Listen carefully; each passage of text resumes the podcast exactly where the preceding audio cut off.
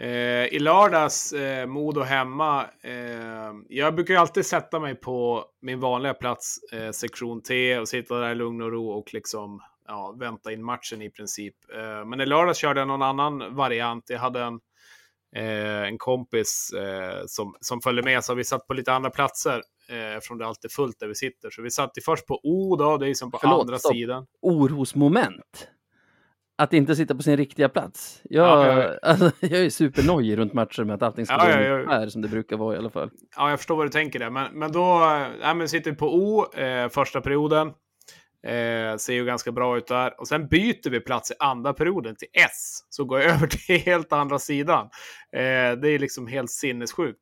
Och sen i tredje perioden byter vi sektion igen. Så alltså jag var alltså på tre sektioner under hela matchen. Och eh, efter, det, efter matchen så gick jag då till, eh, till min vanliga sektion, eller det var ja, mitt under det var ganska klart, och de sa du får ju inte komma tillbaka hit igen. Liksom. Så nu, nu, nu, har jag, nu har jag ju satt den där, så varje gång det är match eller varje gång det är Modo hemma eller någonting, ja då måste jag ju köra den där varianten, gå runt på tre platser. Så att, nu sitter du fast att, i det. Jag har testat det eh, några gånger, jag blir galen. Jag tycker det känns som att det är tre helt olika matcher man ser om man, om man gör på det viset.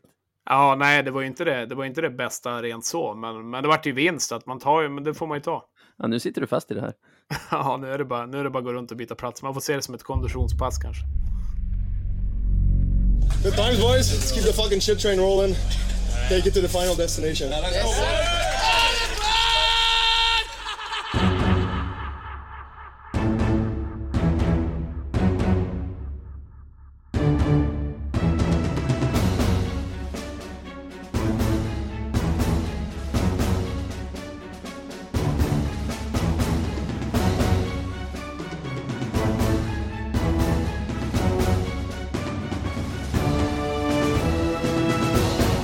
Ja, då säger vi välkomna till ett nytt avsnitt av Radio 1970.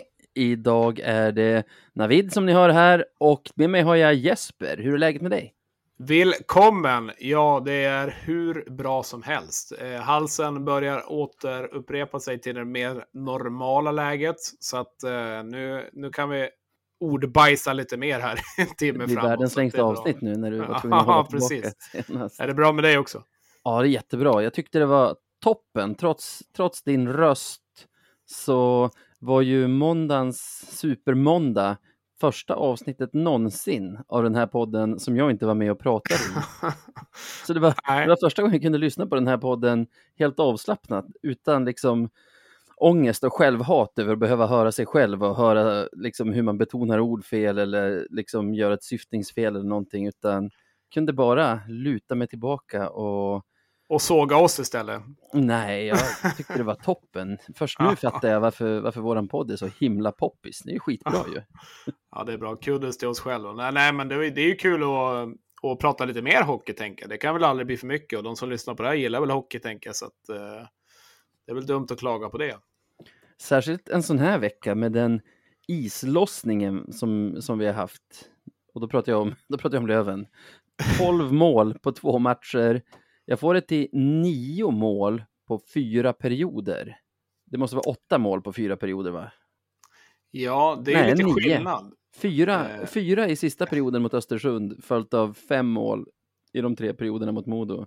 Ja, din matte stämmer. Eh, ja, det är lite skillnad mot det var innan kan man ju säga. De eh, matcherna innan där det var helt tvärtom egentligen. Man tänker att pucken aldrig gick in. Så att när det väl, när det väl lossnar så brukar det lossna rejält. Och det är väl tacksamma. Det är väl vi framförallt väldigt tacksamma för. Ja, verkligen. Och jag tycker så här. Man sitter ju och surar efter förluster, men till exempel mot Almtuna som var en riktig skitmatch. Där jag tycker att vårt spel var under all kritik i många delar. Så sen när man kollar på de här skottkartorna som man kan ta fram ser man ändå så här, ja, vi har haft, vi har kommit till ganska bra avslutspositioner ändå på de vi vill ha där, men liksom pucken har inte smitit in. Och då känner man ju verkligen, nu behöver vi ketchup-effekten. Och den kom ju där mot Östersund. Jag vet inte, vi har ju också det här att nu har vi en ganska uttalad första kedja som vi har fått massor av poäng ifrån. De här alltså, då, det här när, när det väl släppte, det, jag vet inte, har vi, har vi haft det så på länge? Eh, Ja, men det är väl säsongen 1920 då egentligen. Eh, man kände att eh, vi, vi hade det lite på, på den nivån. Men annars, nej, jag, det är väl det jag efterfrågat själv ganska länge också. Att vi inte haft någon riktig första kedja liksom som Dahlén-kedjan eller liksom eh, ja, men Forsberg och Wessel i, i HV liksom som, som man nästan alltid kan lita på att de är inne och de, de skapar oro och gör poäng. Så att, nej, det, har ju, det har, tycker jag att Björklöven har saknat. Sen, sen har ju Löven velat ha den linjen med, med fyra jämna kedjor eller hur man nu vill uttala det. Men det är klart att eh, du behöver ändå ha det i ett lag, en kedja som som de andra också kan lita på, att de kommer in och skapar oreda och liksom får till offensiva tekningar och, och, och liksom gör det jobbet. Så att, eh, det är väldigt viktigt och det behöver vara lite egoistiskt i ett lag också för att det ska fungera framgångsrikt. Så att, eh, de får gärna fortsätta göra poäng också. Ja, och jag har lite av en teori där. Jag tycker, vi har ju sen Kente tog över haft en struktur på laget som är lite annorlunda från andra lag på så sätt att ja, men vi har den här bredden på på, på kedjorna, att vi, att vi har fyra, fyra kedjor som kan leverera, det, det är jag inte först med att konstatera. Men jag tycker den här säsongen, jämfört med de tidigare, så, så bygger man inte lika jämnt och man matchar inte lika jämnt heller. Jag menar, där när kedjan med Vessel mellan Crandall och Hutchings var så ja, himla precis. bra. Så, den jag syftade på. Ja, så rullade det liksom ändå bara på. Alltså, det var ändå som så här knattebyten, först första kedjan, sen andra kedjan, sen tredje kedjan. Nu ser man ju att det finns en coachning, att liksom den kedjan där Mustonen är center nu, mellan Wiklund och Possler är det va? Den, ja. den, får ju, den får ju gå in i helt andra typer av situationer än till exempel vår första kedja med Pulic, och Weigel. Vi, I mina ögon i alla fall så känns det som att vi tydligare har olika roller på våra olika formationer. Är, det, är jag ute och cyklar där? Ja, du är helt ute och cyklar. Nej, det tycker jag inte. Nej, men alltså, man kollar, om man kollar alltså, istiden, om man vill bryta ner istiden lite grann, nu kan ju den vara lite missvisande på vissa matcher också, men eh, där ligger vi ju ändå hyfsat jämnt i laget. Eh, så det är inte så att någon har fått liksom 27 minuter och någon har fått, fått 12, liksom, så att där försöker vi väl ändå fördela det. Och det är ju också en grundtanke i det. Men vi vi har ju ändå en fördelning på i vilka lägen som du är inne på. Exakt. När vi stoppar in eh, rätt kedja. Och det tycker jag också att Löven har saknat lite grann förut. Eh, att vi liksom har rullat på, ingenting ont mot Fagervall och de bitarna, men det kändes som att då rullar vi bara på hela tiden. Det kändes ja. som att ja, men nu vill man ha in den här, den här linan som levererar. Nej, mm. de får ju köra en defensiv tek liksom i egen zon. Ja. Så att, eh, rätt gubbar ska vara inne i rätt läge. Och sen tycker jag också att Stråle och gänget har varit duktiga med att stoppa in de de som är het för dagen. Det behöver inte vara så att Pooley ska in bara för att det är en offensiv tek, utan är inte han het så kan man lika gärna stoppa in någon annan. Så att, eh, det tycker jag Löven har fördelat bra. Ja. Plus att det här när du säger istiden, jag har också noterat att den fortfarande är ganska jämn jämfört med vad det känns som. Men det handlar ju också mycket om att så här, när en match är vunnen, när den ska spelas av, så till exempel mot Östersund, då satt ju första kedjan väldigt mycket i slutet och då fick då fick de här andra gå in och liksom lira av matchen. Hutchings kedja spelade in jättemycket då till exempel.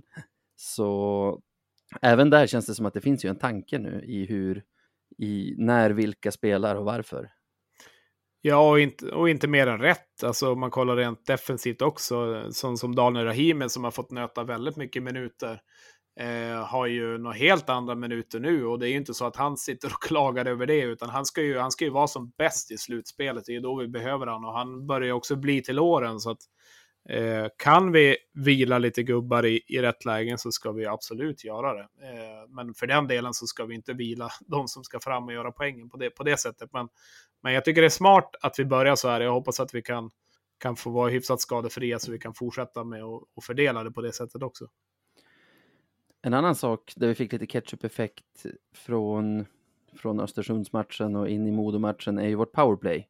Det, det har varit katastrof egentligen sen ja, två första matcherna kanske. Men nu fick vi helt plötsligt riktigt bra utdelning. Vi hade väl två powerplay-mål mot Östersund tror jag, följt av två mot Modo. Och även om, även om vi hade fler tillfällen mot Modo än de två vi gjorde mål på och, och inte lyckades få in en puck så såg det ju väldigt mycket bättre ut än vad det gjorde bara en vecka tidigare till exempel.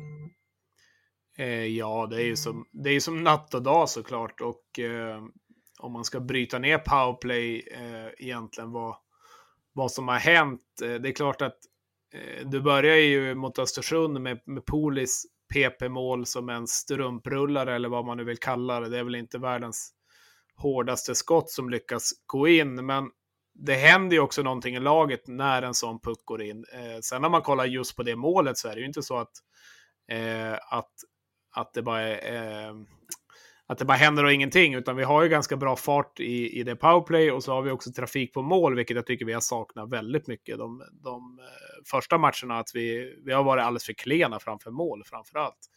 Eh, och nu har vi valt, eh, nu har vi valt att ha mer än gubbar där Jakob Olofsson har stått där, Mustonen har stått där någon match också. Så att, eh, Eh, nu har vi i alla fall någon som står framför mål och gör det lite jobbigt för, mål, för eh, målvakten också. Och det gör ju väldigt mycket. Ja, där har du ju en nyckel. Sen tycker jag det har känts som att även om PP inte har varit bra innan så har det ändå, har ändå liksom magkänslan varit att får vi bara in något skitmål så kan det börja lossna liksom mentalt och det var ju verkligen det vi fick av vi fick av Scott Pooley där i Östersund när han liksom tvingas hämta upp pucken på fel sida i stort sett, ladda om ja. och ändå hitta någon lucka där på något sätt. Och liksom, då är vi igång. Då, då sitter inte den där apan kvar på ryggen eller man säger. liksom, Nej, och det, det, det, gör ju, det gör ju så himla mycket i spelet att ha ett fungerande powerplay. Det ser man ju bara på, på förra året egentligen. När, eh, på något magiskt sätt så tar vi oss till en final, men det som också skälper oss i en final är kanske ett fungerande powerplay också. Så, att, så att det gör ju så otroligt mycket att ha, ha det fungerande i, eh, i de avgörande lägena. För att Hockeyallsvenskan är ju en så pass jämn liga så att, ja, du ser ju Almtuna 1-2. Hade vi, hade vi satt våra powerplay-lägen i alla fall fått ha kvar vårt powerplay där i början till exempel, ja då är det en helt annan match. Så att det gör, gör otroligt mycket. Absolut. Ha kvar powerplayen. ja men det är lite så. Sen, sen när man kollar, ja men första matchen mot Karlskoga, vi har ju ändå ett 33 procentigt powerplay. Så att jag menar, allt ja. är inte bedrövelse heller. Men, men det är klart, vi måste vara, vi måste vara stabilare över tid. Och eh, det som också inte har fungerat i powerplay, det är att vi har ju knappt fått ett tryck i powerplay.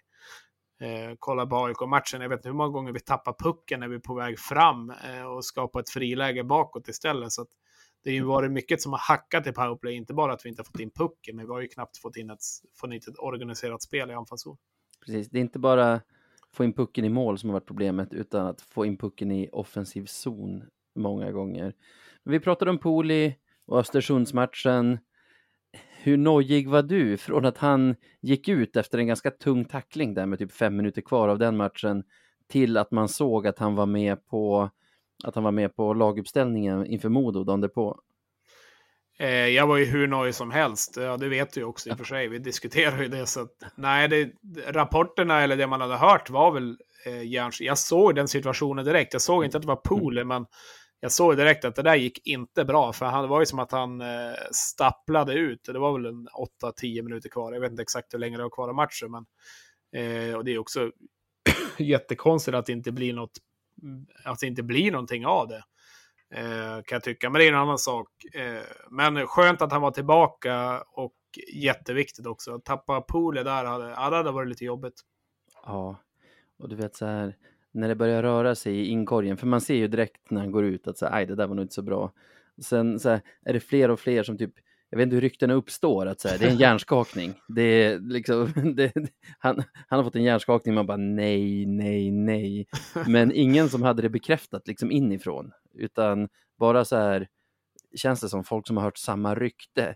Och sen de här, men, när släpper, men släpp laguppställningen då, kan ni släppa laguppställningen när den kommer? Eh, puhu, för jag pratade med en kille som, som kan det här med hjärnskakningsprotokoll och så inom hockeyn. Ja. Och tydligen, att han är med mot Modo, det visar ju dels på att han inte haft några hjärnskakningssymptom efter den där smällen. Men protokollet säger även att liksom, medicinskt kunniga ska kolla på situationen och se om det, om det ändå kan finnas en risk att det, är liksom, att det är kritiskt. Även om, för till exempel, det här kommer från att i NFL till exempel kan spelare så här, som vill in och spela, liksom, inte vill sitta på sidan av, påstår att de inte har symptom och så, så, så finns det liksom en redundans där, att det även att, att det även ska tittas på av medicinsk personal. Så det måste du ha gjort då. Så, så det är ju väldigt tryggt när man ser honom på, på laguppställningen där.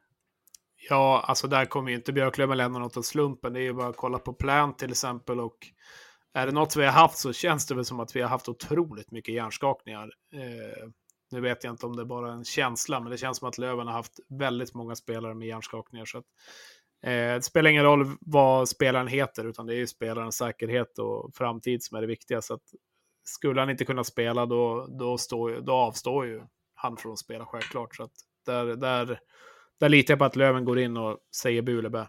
Ja, jag tror att det här är protokoll som man måste följa också, så vi kan vara ganska trygga med Scott Pooley nu. Eh, du nämner ju Plant och mm. han är en av våra tio backar som var på pappret, men som vi kanske inte räknar med att få tillbaka. Så egentligen har vi bara nio kan man väl säga och nu är två stycken av dem borta också. vi, vi pratade förra veckan om att Vainio bara spelade typ sex minuter mot AIK och ja. efter den matchen så var han borta. Han var inte på laguppställning mot Almtuna och har inte varit det sedan dess. Och sen var det väl inför fredagen. Han var inte med som... på träningarna igår och inte idag heller. Nej. Och sen i fredags när laguppställningen släpptes så var det även bekräftat att Kim Johansson inte var med. Vet vi något om de här skadorna? Kim Johansson var väl med på träningen idag, tycker jag att jag läste i VKs eh, rapport i alla fall. Rätt färg på tröjan och sånt? Eh, ja, som, som det verkar i alla fall. Så att vi hoppas väl att han är, han är med. Annars har jag ingen mer eh, koll än det. Jag vet, det är, väl, det är väl sagt, är det dag för dag där också? Det är väl standard egentligen. Allt är dag för dag. Har du hört det är, det är för sig sant också. Allt är ju för sig dag för dag. Det är väl Fredrik Anderssons också, men även fast det är en längre, längre dag kanske. Det är väldigt många dagar. Ja, ja absolut. Livet är dag för dag. Ja, verkligen. Det, det måste man ju säga. Vad vet vi om Vainio då? Eh, ja, men han ska väl vara hyfsat nära, är väl det som sägs i alla fall. Eh, sen vad jag ska, hur mycket jag ska tro på det, det vet jag inte riktigt. Det, det var ju faktiskt snack om det förra året också. Eh, och han var ju borta i princip hela säsongen. Så att, Killen som alltid är nära.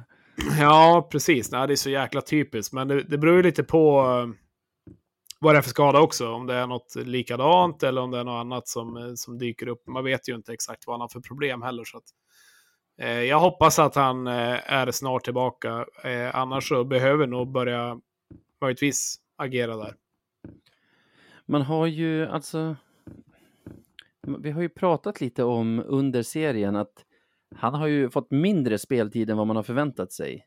Så man blir också så här, har han dragits med någonting som inte har varit helt läkt när han har satt igång och att, att, det, att det är det som spökar?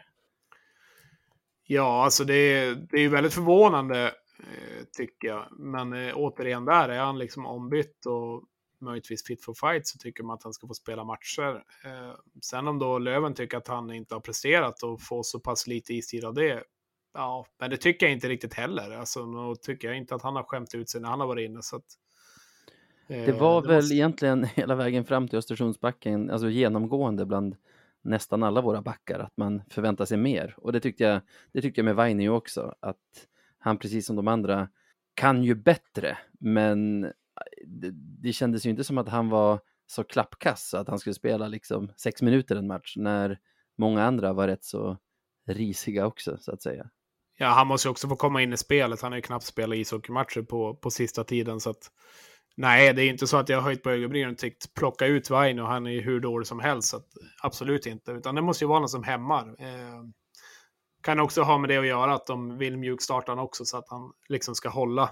Eh, mm. Så att, ja, det är väl bara spekulationer. Det är svårt att dra någonting av det, men jag hoppas att han snart är ute på isen igen. Han är, han är en viktig spelare så att ja. jag ser han gärna. Jag menar mer att det vore intressant att veta om det är samma skada eller om det liksom Absolut. är om det är någonting ännu nytt, för i så fall måste vi ge upp killen. Då, då, då är han ju en skademagnet. Då, då kommer han ju aldrig bli frisk. Nej, det är ju helt sinnessjukt faktiskt. Uh, nej, vi kan bara hoppas. Uh, det går inte, att, går inte att veta så mycket mer. Men på tal om att ersätta och värva in så fick vi ju första under säsongen värvningen under den här gångna veckan när Oliver Johansson kommer in från Timrå för vad jag förstår resten av säsongen. Ja, är det Lövens nya lag att värva från under säsong? Ja, kan vara. Det gick ju bra, det gick ju bra senast med, med Jakob. Så, visst heter han Jakob i förnamn? Olofsson? Jajamän. Ja, jag bestämmer Jakob det nu. Museum. Ja. Stämmer. Eh, ja, varför inte? Men vad, han har spelat två matcher nu, så han har bra track record. två matcher, två segrar. Men vad, Ja. vad säger vi om honom hittills? Han pacear ju noll poäng på 48 matcher. Nej, men eh, pikt inhopp förväntar mig ju kanske inte det någonting annat heller. Det är ju klart när man har sett samma sak när Kim Johansson kom från Luleå och eh, tycker också när Jakob Olofsson kom från Timrå. Så att de ser pigga ut och det är klart att de får kliva ner en, en serie och vill ju såklart visa upp sig också och få, få, eh, få mycket förtroende till laget. Men eh, för att han ser pigg ut så, så är det ju inte det är ju inget negativt, utan det är bra. Han, jag tycker han tar för sig och jag tycker han har gjort det ganska bra i den, eh, den kedjan också. Att han, han tillför verkligen. Så att eh, Rivi, eh, ganska stor spelare också som, eh, som ändå har lite size också. Eh, och det tycker jag väl ändå att vi har.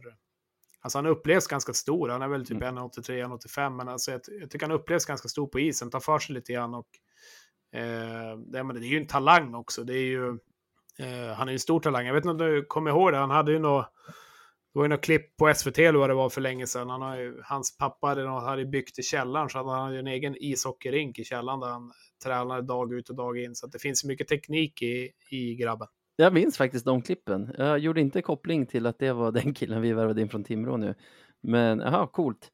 Jag tänkte på en sak som jag tyckte var lite konstigt, att när han kom in så petade petade vi ner Kristoffer Bengtsson till, eller petade, men knuffade vi Kristoffer Bengtsson till den kedjan med Jakob Olofsson och Alex Hutchings och, och lät honom ta den platsen med Fitzgerald och Fortier, men jag tror det, alltså jag tycker inte att det är så himla dumt ändå, för det var ju, alltså den Jakob Olofsson Hutchings, det är ju en kedja som ska vara jobbig att möta och Kristoffer Bengtsson har ju det i sig också, förutom att han är en väldigt skicklig spelare offensivt så så trampar han ju väldigt mycket och är ganska, ganska ettrig och jobbig att möta på det sättet. Så jag tror inte det handlar om att man liksom har satt Oliver Johansson över Bengan nödvändigtvis i hierarkin, utan mer att, att, att det handlar om vad man tänker att de platsar, eller vad, vad, vad de passar, ska jag säga, bäst, de två. Var det något du eh, funderade på när du såg det?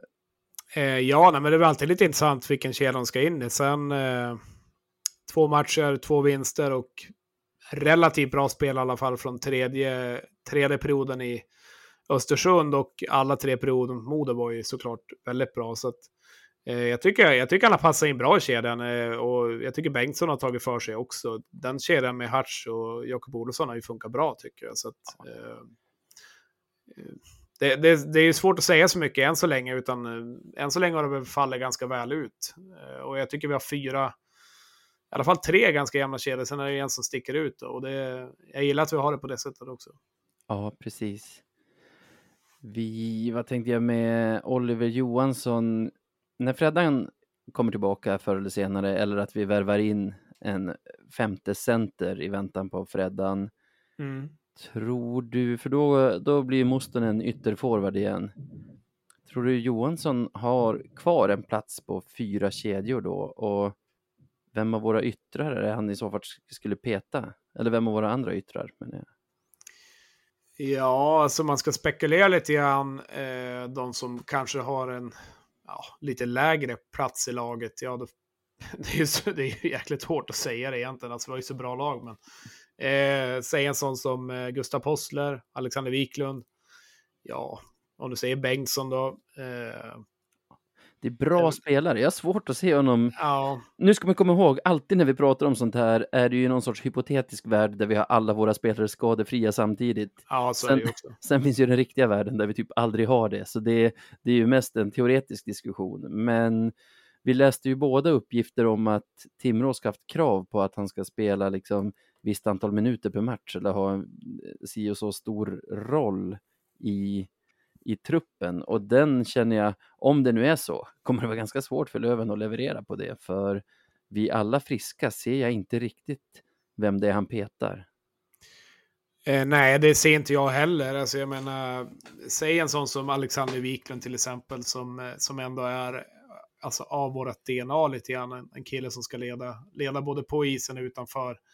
Eh, han ska ju ha sina minuter och framförallt liksom vara var ombytt och klar. En sån som Gustav Postler som jag tycker har tagit för sig väldigt bra också.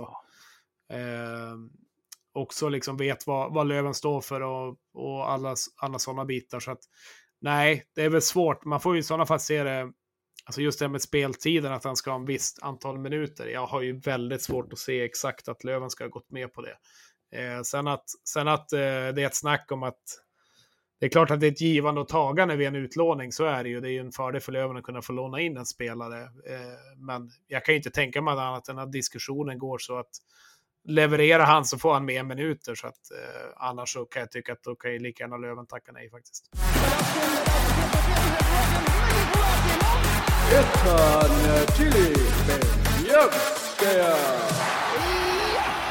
Ja, då ska vi utse veckans bästa Lövenspelare. Det var lite roligare den här veckan än hur det var för er förra veckan, Navid. Det är lite lättare att hitta någonting och nu är det nästan ett problem. Det blir ett lyxproblem och det är lite så här bara, ja, det finns ganska mycket, att, mycket att välja på. Men det är väl bra, det, det gillar vi när det är så. Det gäller ju att ta, ta det bästa man kan hitta, höll på att säga. Det är många som ska hyllas, men vi, vi får hålla oss till två i alla fall. Navid, vad har du, vad har du med dig den här veckan?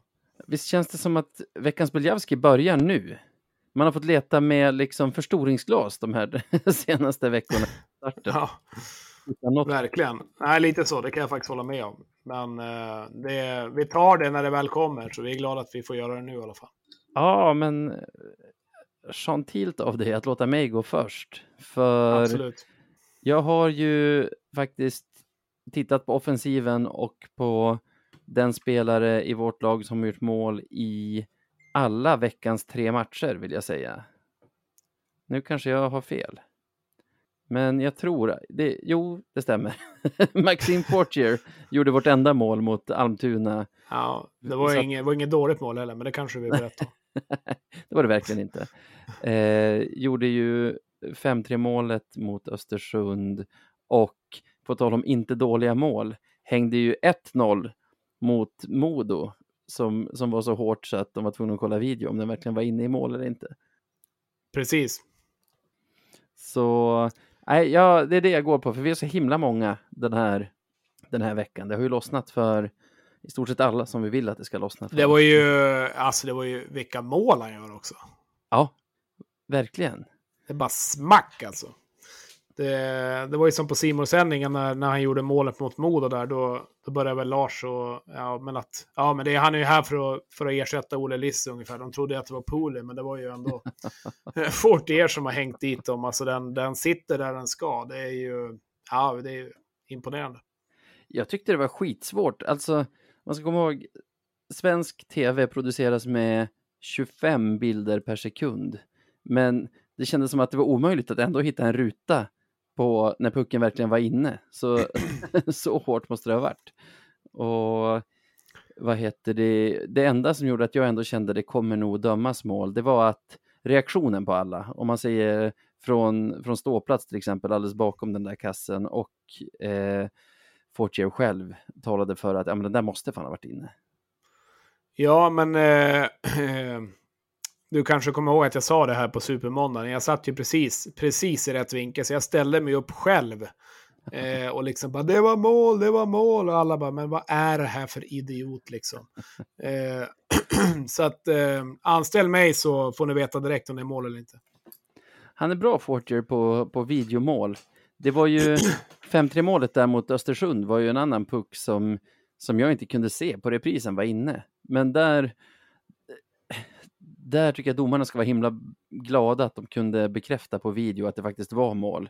För det är ju ett skott som är någonstans uppe vid ribbkrysset, eller en puck som är någonstans uppe vid ribbkrysset. Och vi har ju egentligen två lägen med helt öppet mål på returen, men domaren blåser av och pekar och dömer mål. Så hade han åkt till hade han åkt till båset och kollat på video och dömt bort det och typ tekning, då hade man blivit rasande. Ja. Ja, faktiskt. Jag håller med. Nej, men det... Nej, han har gjort det bra Fortier och eh, han har ju verkligen drivet som man, efterfrågade. Och, eh, han har ju hållit kvar farten, men han, han är duktig att få med sig pucken med, med fart också. Och när han är bra är Fitzgerald bra också. Jag tycker man har sett en helt annan Fitzgerald den här veckan när, när eh, Fortier har trampat igång. Ja, Fitzgerald tycker jag har gjort det bra. Han har, han har sett pigg ut. Jag och Sebbe var inne lite grann på det också, men han har, eh, han har gjort det bra, helt klart. Eh, jag tycker att han har ju också speeden. Vi har ju väldigt många snabba spelare. Vi vill ju ha ett snabbt lag var det ju sagt också. Det, det stämmer ju. När, de, när vi väl får till passningsspelet vill säga så att vi kan få med oss pucken i fart. Eh, men han har, sett, han har sett väldigt intresserad ut. Jag tycker han har varit bra. Eh, han, har, han har liksom gjort skitjobbet också. Så att, eh, och tar ganska mycket avslut också. Så att, eh, han kommer nog få göra en del baljer i år också. Jag tror det. Det kändes som att han hade någon sorts startsträcka men typ i slutspelet förra säsongen var ju Fitzgerald enligt mig en av våra bästa spelare. Och det verkar som att han kanske har tagit med sig det in i starten av den här säsongen. Så att vi kanske får se mer av en flygande start från honom. Men nu undrar jag vad du har valt på den här otroliga buffén som den här veckans Beljavski faktiskt är. Ja, det är inte som Sunes jul när de skulle gå ut och käka buffé och Rudolfs eh, Håkan ville bara ha potatis. Eh, utan jag har valt, valt hela bordet här. Nej, men det är svårt. Det är ju... Eh, man är ju så här lite också att, eh, nu är jag ju ny på det här, men man vill inte ta det mest självklara heller, utan man vill vara lite fyndig och hitta någonting. Men samtidigt så, ibland är ju det mest självklara som Fortier, som du nämnde till exempel också, att ja, men har de varit en av de bästa så har de med det. Eh, jag skulle vilja lyfta, lyfta en annan, eh, nummer 12, Scott Pooley, som jag tycker har varit bra av, av eh, egentligen flera anledningar. Alltså absolut att han gör poäng, men kollar du mot en match till exempel mot Almtuna så har han ändå åtta skott på mål. Han, jag tycker han är väldigt duktig på att få, få just pucken mot mål. Om man kollar till exempel i powerplay så han är inte den som laddar allra stenhård, eh, stenhårdast, liksom, utan han vill ha pucken på mål. Det tycker jag också är, eh, han är en väldigt smart spelare. Han, han tar inte i för kung och fosterland, utan han försöker sikta in sig ett mål och kanske få till en retur eller, eller de bitarna och få in lite avslut. Eh, och skjuter man mycket och är mycket i de lägena så gör man till slut väldigt mycket mål också. Eh, så att eh, kredd till han, jag menar passningarna mot Kilke, eller egentligen drivet, eh, om du kommer ihåg målet han gjorde på försäsongen, Eh, så, så, ja. ja. precis. Alltså drivet han har när han, när han tar pucken där vid, ja, men vid sargen och, och liksom åker fram och ser ju verkligen ut som att nu kommer han skjuta, men han passar och Kilke gör ju mål hur läckert som helst. Man är väldigt svag för spelare som gör mål på knä, måste man ju säga också. Det är ju, det är ju läckert. Eh, och liksom åker in mot knä mot Modos klack också dessutom. Eh, det har något. Nej, nej men som Poli tycker jag ska, ska hyllas. Eh, han ser bättre och bättre ut. Hade väl ingen strålande start, egentligen inte hela Löven heller. Men eh, jag tror att vi har hittat väldigt rätt med Scott Poli. Jag tycker han, han är väldigt duktig också på att jobba hem. Han gör också skitjobbet, eh, vilket jag tycker är imponerande. Sen verkar han vara en ganska god, god gubbe också. Så att jag tycker han förtjänar att vara med på den här listan. Eh, sen är det väldigt många bubblare eh, som jag tycker gör det bra. Jag menar, sånt som Gustav Postler till exempel, vilket jobb han gör och eh, åker hela, hela tiden och gör faktiskt de andra spelarna bättre. Så, så de här stjärnorna får kliva fram också, så det är lätt att, lätt att glömma bort det, att det finns, finns många där bakom. Men, eh, men vi är ett lag och eh, vi ska plocka ut en spelare, så då, då väljer jag Scott Pool den här veckan. Ja, och det är rimligt också. Det, vad heter det? Tidigare har vi ju varit ganska mycket så, alltså det känns som att någon alltid tar Possler för att han gör ett så hårt jobb. Men sen ska man ju summera det här någon gång framåt våren också och då, då blir det ju en himla skev sammanställning, alltså jämfört med om man säger vilka som kanske har varit de bästa spelarna. Att, att, det, alltid är, att det alltid är de här kantbollarna man vill ta, så, så det blir himla skumt total sen. Så jag gillar att vi ändå går på det vi, det vi tycker har varit bäst. För mig är det lite hugget som stucket vem vi tar av de här två eller om det hade varit någon annan nominerad nästan. Det, det har varit så bra så om jag ska, om jag ska argumentera för min gubbe Fortier så är det väl att han, att han hänger en puck mot, mot Almtuna också i den matchen då, ja. då det var rätt visset på många håll.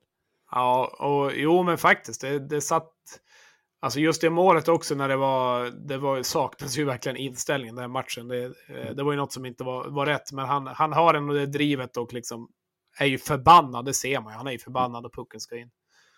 Ja.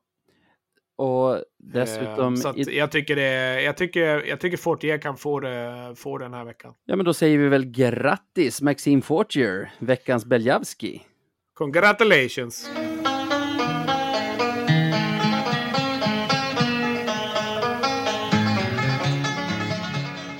Veckans Marklund. Är det dags för nu? Vi ska alltså utse veckans mest klandervärda och samtidigt som jag säger det kommer jag på skit. Jag har inte tänkt ut någon. Så du får jag tänka ut någon. Eh, ja, vad sa du? Du bollar över till mig eller? Jajamän. Tack för den. Eh, det här är ju absolut det segmentet som, eh, ja, som jag tycker är överlägset jobbigast, men det har väl ni tyckt också. Eh, jag vet inte, jag tycker det är svårt överlag att kanske såga folk och personer sådär. Eh, och det är väl lite det man, det man gör i det här. Eh, men jag kommer väl inte såga, såga någon så. Jag tror inte någon kommer ta illa upp. Jag hoppas inte någon tar illa, illa vid sig här. Utan, det hoppas jag. Eh, ja, precis. Eh, jag skulle vilja såga, nej, eh, om man kollar egentligen, eh, jag vet inte om du har uppmärksammat det på matcherna, men det har kommit upp någon gång nu och då. Jag vet att någon har knäppt ett kort och lagt ut, men jag hittade inte igen den bilden. Men när du sitter på en match eh, och du gärna vill se kanske en repris igen oftast, vad var det som hände i den situationen, om det är en tackling eller ett mål eller vad det nu kan vara, så, så vill du kanske se det rulla några gånger. Eh, men nu har ju, har ju då ligan bestämt att de inte ska visa eh, så, mycket med, så mycket repriser då, eh, utan de kan visa en, en repris av en viss situation på grund av spelarnas säkerhet. Eh, och jag säger inte att man inte ska tänka på spelarnas säkerhet, det, det tycker jag absolut att man ska göra. Eh, men det här är ju något som är mer eller mindre riktat mot domarna, skulle jag säga. Att domarnas säkerhet eh, och eh, jag tycker är man en elitdomare så vet man lite grann vad man har gett sig in på också. Är det så att man har tagit fel beslut på isen så, så kan man ju faktiskt få stå för det också. Eh, lite grann. Och att man får se en tillgång och visst att H eller vart man nu är vid det är ett jäkla liv på läktaren. Men eh, jag skulle vilja se det i det stora, stora perspektivet också. Att säga att det är så att det är de som är på på ishallen och gärna vill se lite repriser för att de vill se hänga med. Men det, skit, eh, det slutar med att de hellre ser matchen hemma eh, än att gå till ishallen för att se, se matcherna. Eh, så att jag tycker det är ett stort skämt och jag tycker faktiskt att då förtjänar man en nominering. Eh, så att eh, det skulle jag vilja lyfta. Ja, jag är faktiskt helt med dig, både på det att det där det där är ett sätt att skydda domarna från kritik under matchen. Det, det handlar inte om deras säkerhet heller, utan om att att de ska slippa få publiken emot sig när de tar beslut som kanske visar sig vara lite felaktiga på reprisen och så. Men, och som alltid, all respekt till domarnas svåra jobb. Det, det, det är inte ett jobb jag skulle klara av till exempel, men ibland blir det fel. Det behöver inte vara hela världen om folk ser det heller. Det, det är ju snarare, tycker jag, som du är inne på, att klubbarna har ju svårt att få folk att komma till arenorna nu när alla matcher tv-sänds och det är så himla lätt att sitta hemma i soffan och se det och ska man dra ner på arenaupplevelsen på det sättet att du kan inte ens titta upp på jumbon och få en repris för, för det har liksom ligan bestämt, då då tar du ju ännu mer attraktionsvärde från att vara på plats och kolla. Så, ja, det kan väl lika gärna gå tillbaka till en resultattavla lite grann. Så att, ja. Eh, nu när vi har investerat i världens dyraste jumbotron som är hur stor som helst, så kan man inte ens få se en repris i full HD eller vad man ska kalla det. tycker jag är för jäkligt alltså. Ja, det är eh, konstigt. Ja, jag tycker, jag tycker det är märkligt. Eh, och det är klart att eh, vem som nu har bestämt det, det beslutet. Men eh, sen kan det också vara en hjälp ibland för domarna. Om det är en tveksam situation, det är kanske en ful tackling eller någonting, och de inte vet om de ska ta en två eller femma eller någonting och kunna liksom vrida upp huvudet och säga ja men det där är ju superfult, det ska vara en femma.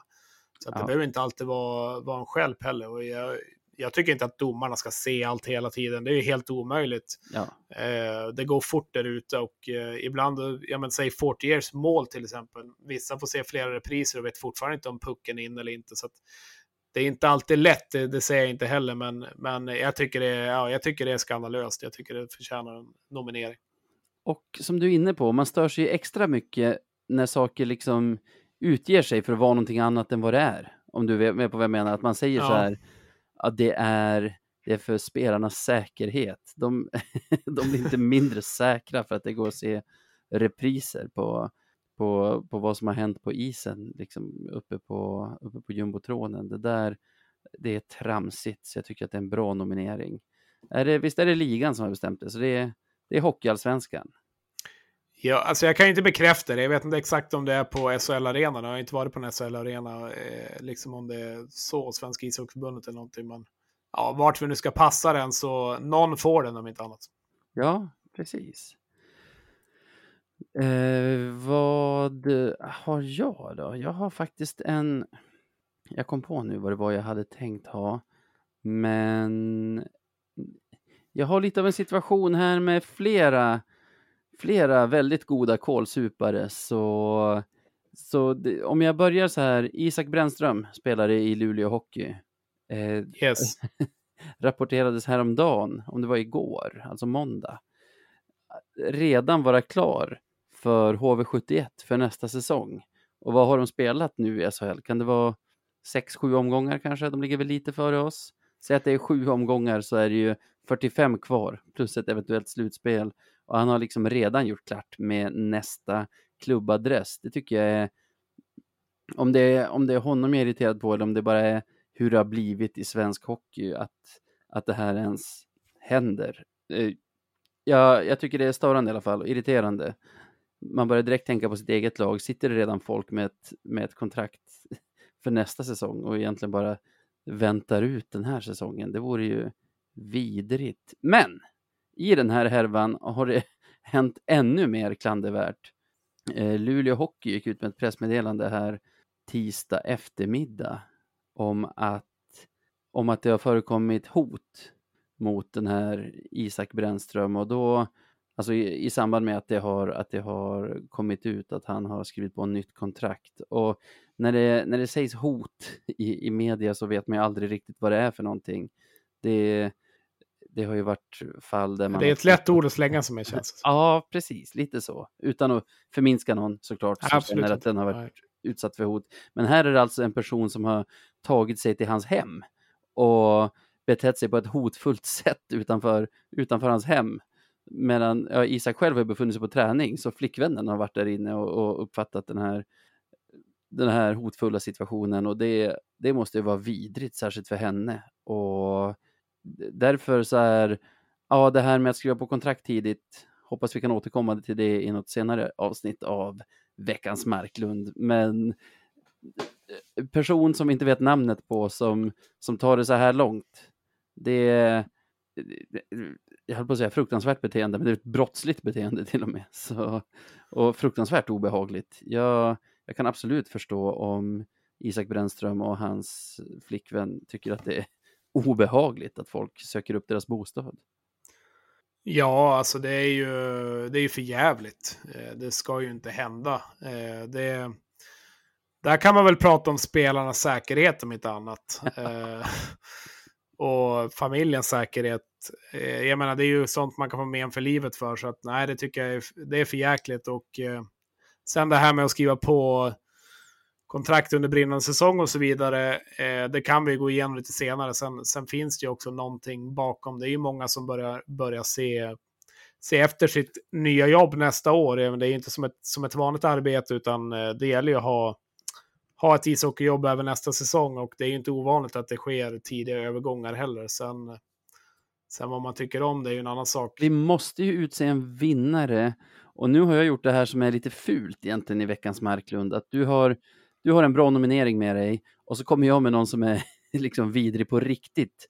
Då är det ju alltså, det är så himla svårt att hävda att så här, jo, men det här med repriserna då, när, när Ja, tänk på mig som inte får se alla repriser.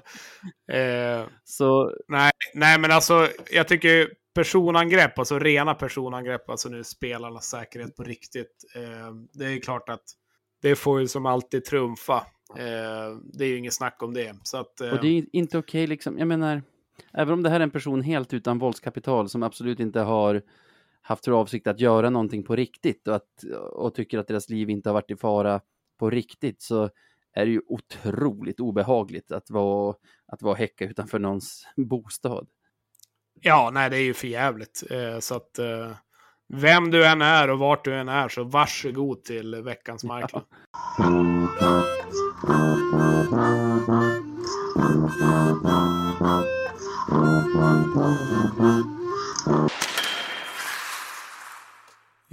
eh, från något tråkigt höll jag på att säga till något som är lite roligt. Det kommer ju lite matcher här i veckan igen. Eh, så att nu onsdag, eh, när ni hör det här, eh, 12 oktober, mitt i månaden, så möter vi Vita Hästen borta.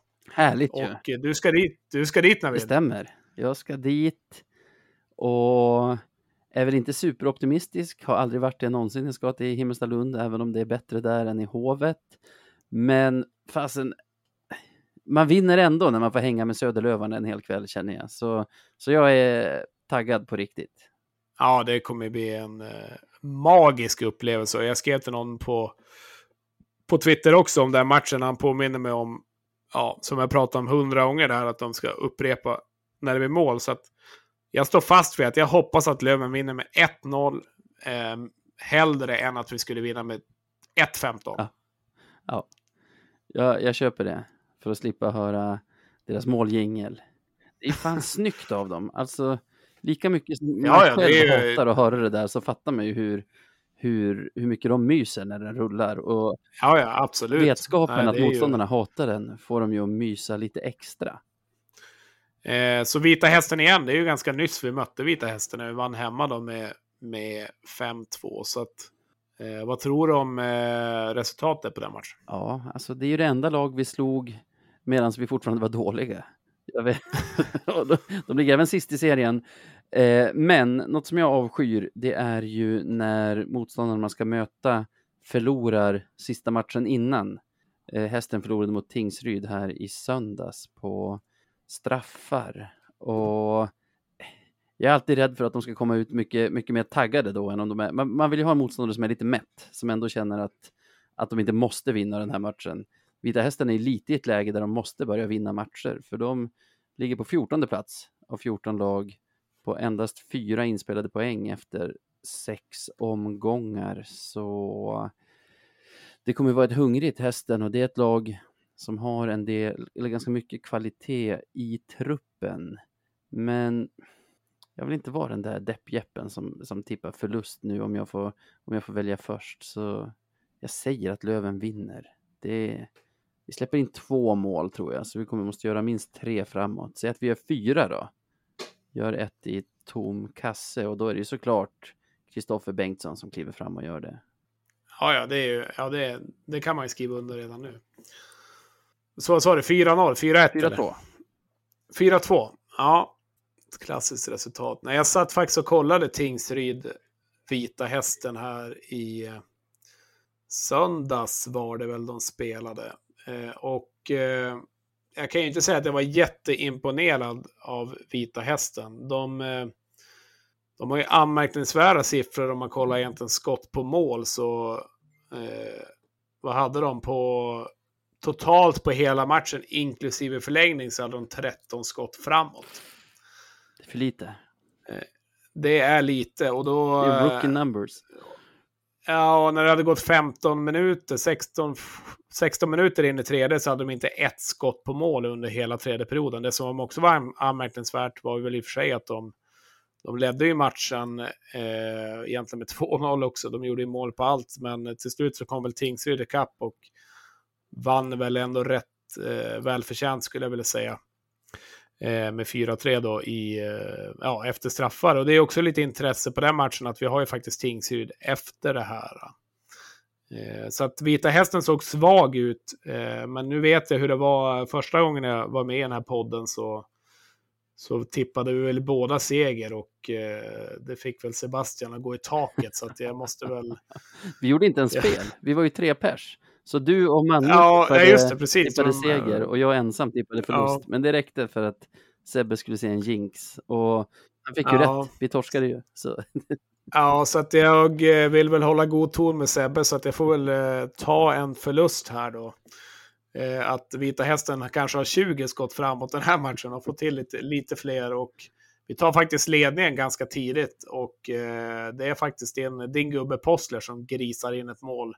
Eh, lite typiskt hästen också. Det känns alltid märkliga matcher, konstiga mål också. Det är någon lobb som har varit och det är allt möjligt. Men, men sen efter det så är det ingen dans på rosor utan det är en ganska mörk kväll i Norrköping. Det får ingen rolig hemresa för Navid utan det blir torsk 4-1.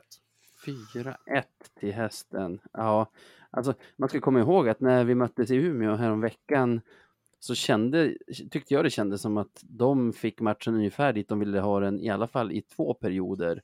Då vi ledde förvisso med 3-2 efter två, men, men det kändes inte stabilt någonstans. Så det är ju ingen enkel seger det här. Jag, jag tror inte att förlust 4-1 är taget helt från ingenstans. Det är ett mer desperat hästen den här gången. De har hemmaplan. Ja, vi får se.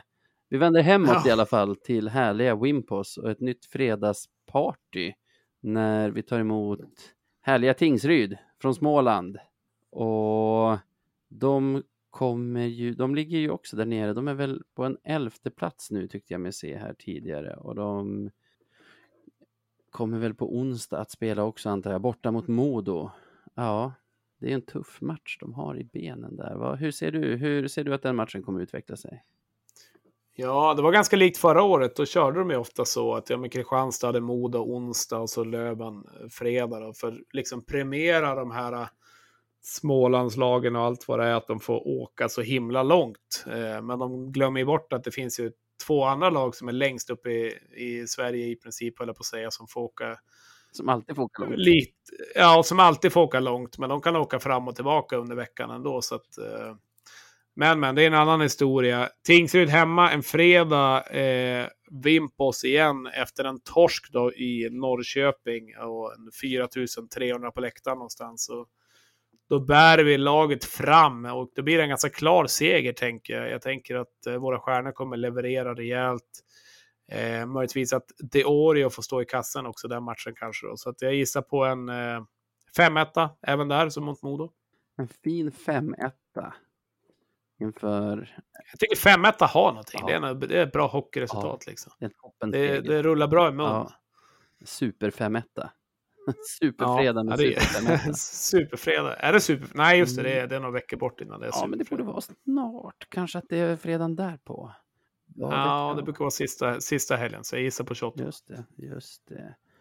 Jag tror ju på förlust då. det känns som, fast så känns det som att man har sagt om alla lag vid det här laget, så här, de här torskar vi ofta mot. Vi har helt enkelt en lång historia i andra divisionen där vi har hunnit med förluster mot alla möjliga lag. Men jag minns om det var förra eller förra, förra säsongen då vi fick en riktigt snöplig förlust första hemmamatchen mot Tingsryd. Vi förlorade även borta förra året, eh, Tingsryd. Det var också en fredag. Jag såg den på Lion Bar när det var just i början, mm. där det var mycket folk på plats. Eh, det var också huvudsändning såklart. Ja.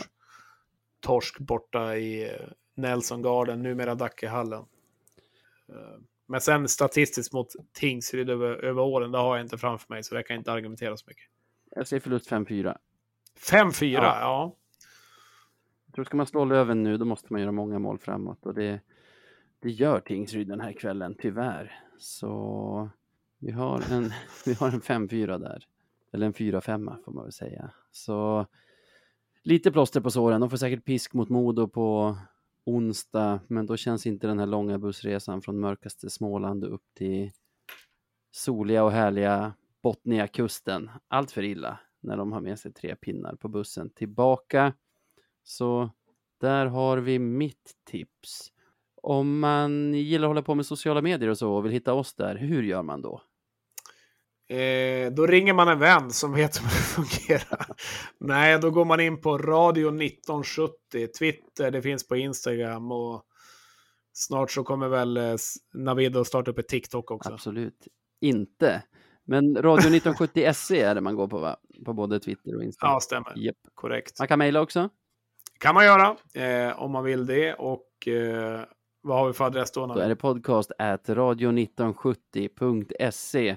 Men vi stannar lite vid Instagram. Vi tänkte ju testa en grej här onsdag kväll, alltså samma dag som det här avsnittet släpps. Jag vet inte om de som varit med oss länge minns att vi körde lite live på Instagram, jag och Sebbe, för en tre år sedan kanske. Och vi tänkte väl testa starta upp det igen. Ja, eh, nej men eh, vi tänker väl lite grann så här att när vi, när vi nu kan och eh, har möjlighet, eh, nu kommer vi ha Navid också på plats i hallen, så kommer vi försöka bolla in en live eh, och det är egentligen för att, ja vad ska vi säga, vi ska samla Löven-familjen eller samla de som är hockeyintresserade och hänga med lite grann. Vi, vi kör en liten stund, 18.45 är väl det vi siktar på Eh, innan nedsläpp och gå igenom lite ja, men trupperna, lagen, känslan. Hur är känslan i hallen? Vilka är på plats? Hur är övriga omgången? Är käppen där? Ja, vilka är på plats? Är tvillingarna där? Käppen där, ja precis. Och fra, om någon fransman. Nej, så att, eh, och sen kör vi väl något paussnack där och kanske någon summering då om det, om det har gått bra, eller på att säga. Nej, men så att det är väl det är väl det som är upplägget, eller vad säger du Navid? Ja, jag tycker att ni tittar in där vid 18.45 i alla fall onsdag kväll. Alltså ikväll om ni lyssnar på det här rätt datum. Sen skulle jag vilja prata lite om den här fransmannen också. Jag tycker det där är liksom en av alla anledningar till att jag älskar den här klubben. För de som inte vet vad jag pratar om, i fredags anordnade ju Green Devils en bussresa till bortamatchen i Östersund. Det dyker upp en snubbe som inte känner någon annan där på bussen, visar sig vara en fransos som pluggar som utbytesstudent på Umeå universitet. Och det här gör alla så, så, så glada och taggade så han får en egen ramsa som, som sjungs i bussen hela vägen ner, sjungs hela i stort sett matchen på fredagskvällen också. Och sen plockas upp på ett fullsmetat H på lördagsmatchen mot Modo. Så till slut fick jag han stå med Devon där på, i den här lilla capoburen och och driva på sin egen ramsa, vad då kanske ett och ett halvt dygn efter att han klev på en buss utan att känna en annan lövare i hela världen i stort sett. Vad, vad säger vi om det? Nej, jag måste säga att det är fantastiskt egentligen. Det är ju... Nej, men alltså, man får lite, så här, lite rysningar egentligen när man tänker på det. Att det är ju liksom eh, ja, men support i familjen överlag och det är ju fler klubbar runt om. Men jag tycker ändå Löven är lite unik där också. Och eh, eh, kunna väva in en ny person på det sättet. Och jag menar, han kommer ju för alltid att eh, älska Löven och liksom köpa supporterprylar och allt vad det är. Så att, ja, det är ju fantastiskt, vilken upplevelse för han också. Så att, sen eh, vet jag att vissa kanske klagar på själva ramsan, att den inte, ja, men den är inte korrekt och så vidare. Men eh, jag tyckte någon skrev en ganska bra kommentar också på Twitter, att ja, men det är ungefär som att rita om en tavla. Eh, folk, vill, folk vill behålla menar, kanske ramsan och melodin, men sätta en annan text som handlar mer om Löven än om fransmannen, typ så och att det skulle ja. vara som dit om en tavla. Jag håller med. Jag älskar allt med det här. Jag älskar att det är en fånig text också. Man verkligen hör att det är några fulla grabbar och tjejer på en buss som har, som har kommit på den i liksom... Ja, men det är en känsla, ja. känsla där liksom. Att, uh, vi hade också några sköna ramser på, ja men back in the days när man åkte ja, men 06, 07, alltså de 05, alltså de, de resor. Det kom ju upp mycket på, uh, vi hade någon rams om Erik Forsell liksom som Forsell, Forsell han gör det själv och så var det väl någon, någon anspelning där. Så att, nej, men det, det kom upp mycket, mycket härligt på de bussresorna och vilka minnen också. Så att, eh, det är något man aldrig kommer glömma. Ja. Vi gör så att vi avslutar med den nu så att folk kan den till kommande matcher. Särskilt ni som, särskilt ni som ska till Norrköping onsdag kväll behöver ju höra det här. Så vi säger tack för den här veckan. Kul att snacka med dig Jesper. Tack själv, det var trevligt.